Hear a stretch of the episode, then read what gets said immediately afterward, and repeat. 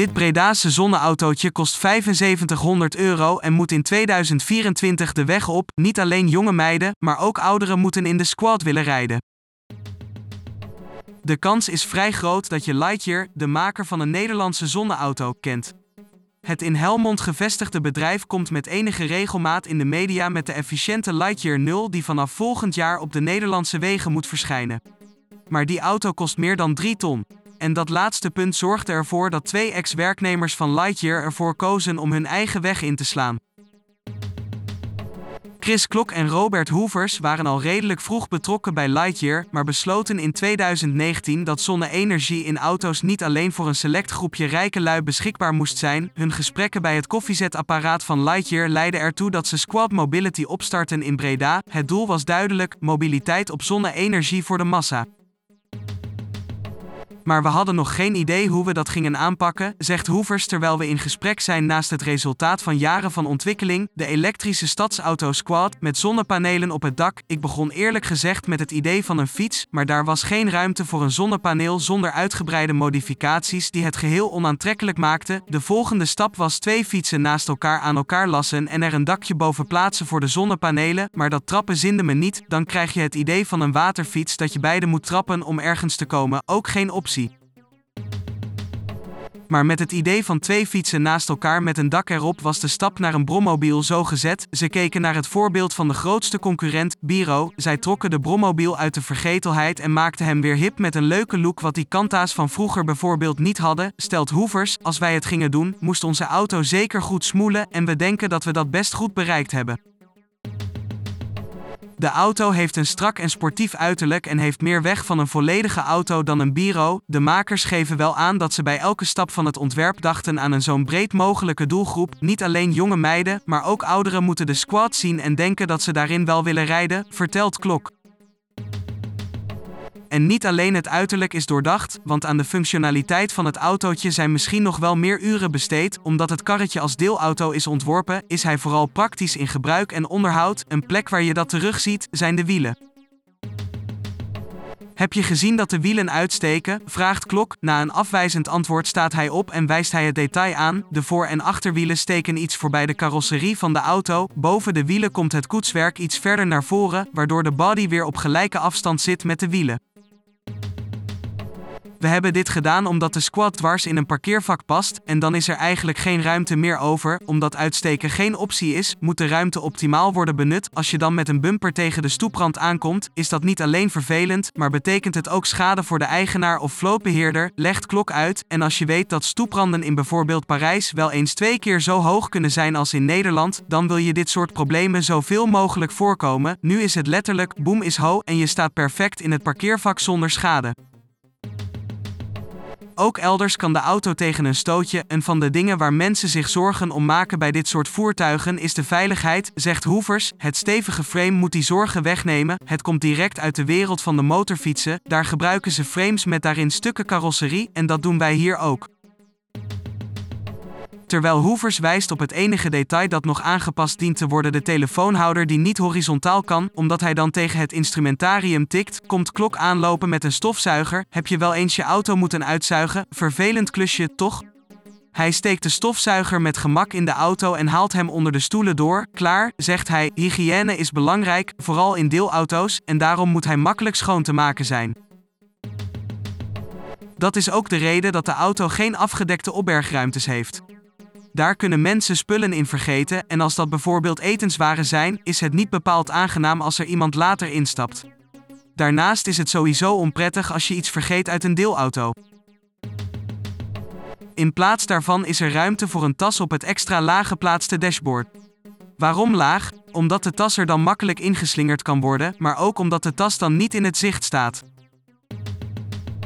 Daarentegen is de stoel weer relatief hoog en dicht bij de deuropening geplaatst, om twee redenen. Ten eerste is het belangrijk dat de stoel dicht bij de buitenkant van de auto geplaatst is, omdat ouderen vaak anders instappen dan jij gewend bent, legt Klok uit terwijl hij met zijn achterste als eerste op de stoel gaat zitten en vervolgens zijn benen onder het stuur draait. Ten tweede is een hogere stoel prettig omdat er dan geen angstmoment is als iemand zich naar de zitting laat zakken. Hoe eerder je die voelt, hoe fijner.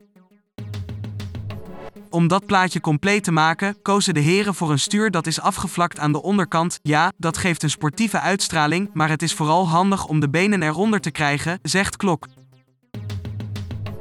Met elk beetje uitleg over de auto blijkt dat de heren tientallen jaren ervaring in de automotive en mobiliteit hebben. Hoevers heeft jaren gewerkt voor meerdere bedrijven op het gebied van motorfietsen, automotive en racerij. Klok werkte onder andere voor Renault en heeft actief meegewerkt aan het ontwerpproces van vierwielers, motorfietsen, scooters en brommers. Dat houdt vooral in dat er lang niet zoveel hordes genomen hoeven te worden als een andere start-up in de automotive zou moeten doen. Ervaring is een goede leermeester. Zo hoefden wij niet moeilijk te doen om de zonnepanelen op het dak te verwerken. Dat had ik immers al uitgezocht bij Lightyear, lacht Klok. En door de ervaring was bijvoorbeeld ook snel duidelijk dat de squad een stadsauto moest gaan worden, voornamelijk om de zonne-energie zo efficiënt mogelijk te kunnen gebruiken. Bij een beperkte snelheid is veel minder energie nodig om vooruit te komen. Elke verdubbeling in snelheid betekent een verviervoudiging in luchtweerstand, legt Hoevers uit. Dat wisten we van tevoren al, dus hebben we nooit het doel gehad om 130 km per uur te gaan. We willen alles zoveel mogelijk in balans houden. Lees ook, dit elektrische Rotterdamse autootje moet 130 km per uur halen, 300 km kunnen afleggen en 30.000 euro gaan kosten, bekijk de XI.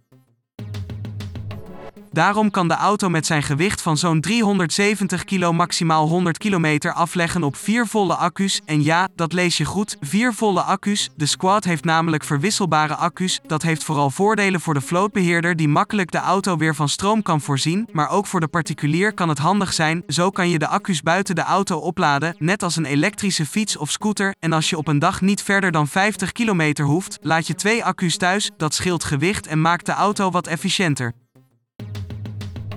En daarbij komt natuurlijk ook nog het zonnedak. Deze is volgens de makers goed voor zo'n 20 extra kilometers op een mooie dag in Nederland. Dat hebben we hier in juni voor de deur getest. We deden net alsof je met de auto om ongeveer 8 uur op je werk aankwam en hem parkeerde. Vervolgens keken we om half zes 's avonds hoeveel kilometers er waren bijgeladen voordat we hem weer naar binnen rolden. Volgens de app waren dat er 20, zegt Klok.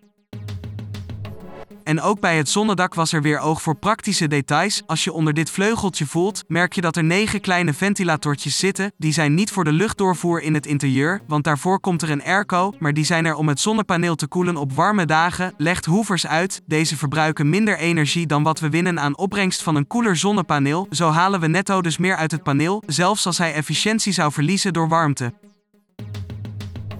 Al met al zou de Squad een groenere keuze moeten zijn dan de trein. Volgens onze berekeningen gebruikt de Squad 50 wattuur per kilometer. Dat is minder dan iemand die met de trein reist, zegt Hoevers. En ja, dan hebben we het over het verbruik per reiziger per kilometer in de trein, dus niet de hele trein. Dat de twee ondernemers aardig wat ervaring hebben blijkt ook uit de toekomstplannen van Squad. Vooralsnog ligt de focus op Europa en de zuidelijk gelegen landen, omdat daar simpelweg maar zonuren zijn. Het is de bedoeling dat de auto op locatie wordt gemaakt. Wij zorgen ervoor dat alle onderdelen geleverd worden op locatie en daar kunnen ze dan de assemblage uitvoeren. Dat gaan we waarschijnlijk niet in Nederland doen, vertelt Hoevers. De heren weten ook precies wat er komt kijken bij de assemblage, want ze hebben het prototype dat in de studio staat samen in elkaar gezet. Ze kunnen dus als geen ander een assemblagelijn opstellen. En dat gaan we ook doen. We willen voor elke fabriek een hele assemblagelijn uittekenen en inrichten met instructies voor wat er op elk station moet gebeuren, zegt Klok. De keuze voor producenten houden de heren wel in eigen beheer. Ze zijn al jaren bezig om geschikte partners te vinden en kunnen dankzij de tientallen jaren enigszins makkelijk bepalen met welke bedrijven ze wel en niet in zee willen gaan. Tijdens corona moesten we alles via Zoom-calls doen en dat was eigenlijk een uitkomst. Het scheelde immens veel reistijd en gedoe en als iemand aan de andere kant weigerde om met de camera even door de assemblagehal te lopen, wist je al hoe laat het was, dan was het een dozenschuiver, lacht Hoevers. Sowieso kun je met een snelle blik op de hal al enorm veel leren. Is het er schoon? Zijn mensen geordend bezig? Zijn de machines in goede staat? Ik denk dat je na een korte rondleiding zo'n 80% van de benodigde informatie al hebt, zegt Klok. Ook zijn de twee erop uit om per onderdeel meerdere leveranciers te hebben. Zo kunnen ze niet alleen makkelijker opschalen, maar zitten ze ook niet zonder als een partij tegen productieproblemen aanloopt, een probleem dat tegenwoordig met enige regelmaat voorkomt. Maar voordat Squad bij het punt van productie aankomt, moet er nog wat werk verzet worden. De ontwikkeling van de auto is grotendeels klaar, maar er zijn nog wat details, zoals de telefoonhouder van eerder, die aangepast moeten worden. Daarnaast moet er nog wat geld bij om de productie überhaupt mogelijk te maken. Er is enorm veel interesse vanuit heel veel partijen, dus over investeringen maken we ons niet zo heel druk. We hebben een bereikbaar elektrisch autootje dat op zonne-energie kan rijden. Iedereen vindt dit geweldig, zegt Hoevers. Voor ons is het vooral belangrijk dat we goed kunnen samenwerken met een investeerder. Het is een intensieve relatie die je aangaat, waarbij je veel met elkaar te maken krijgt. Dan is het belangrijk dat je hetzelfde denkt. Met de nieuwe nog te vinden investeerders moet het geen probleem zijn om de productie rustig op te bouwen. Vanaf 2024 moeten de eerste squads van de band rollen en wordt de productie in vijf jaar tijd stap voor stap opgevoerd om in totaal in die periode 20.000 auto's te maken. Ik denk nee, ik weet wel zeker dat het te weinig gaat zijn, maar het is niet anders. Je kunt niet van de een op de andere dag ineens 20.000 auto's per jaar produceren, dat lukte zelfs Elon Musk niet. En hoewel de Squad als deelauto is ontworpen, verwacht Hoevers niet dat het overgrote deel van de elektrische karretjes bij vlootbeheerders terecht gaat komen. Ik kan niet zeggen over het aantal pre-orders dat we nu hebben, maar ik verwacht in de toekomst dat er zo'n 20% van de squads bij bedrijven terechtkomen en dat de rest door particulieren gekocht wordt. Aan ambitie ontbreekt het de heren zeker niet. We willen de auto volledig autonoom maken. Dan maak je vervoer pas echt voor iedereen makkelijk bereikbaar. En we hebben er al rekening mee gehouden met de bouw van dit model, zegt Klok. Maar volledige autonomie ligt nog wel erg ver in de toekomst als het ooit behaald gaat worden. Gelukkig hebben de twee ook een plan voor de nabije toekomst op afstand bestuurbaarheid. Denk er maar eens aan, hoe handig zou het zijn als we een verkeerd geparkeerde squad langzaam vanaf afstand uit de weg kunnen rijden omdat er een brandweerwagen anders niet langs zou kunnen? En dat moet kunnen, want je kunt tegenwoordig met je achteruitrijcamera al beter zien wat er om je heen gebeurt dan als je uit de auto kijkt. Koppel deze camera's aan een besturingssysteem op afstand en een operator kan de squad eenvoudig verplaatsen, al dus hoevers. Voor nu blijft de Squad vooral een goed doordachte elektrische auto die dankzij de zonnepanelen waarschijnlijk minder vaak, of in het beste geval nooit, aan de lader hoeft en dat voor nog geen 10.000 euro, of dat genoeg is om de auto onder de massa te brengen, zal de komende jaren moeten blijken.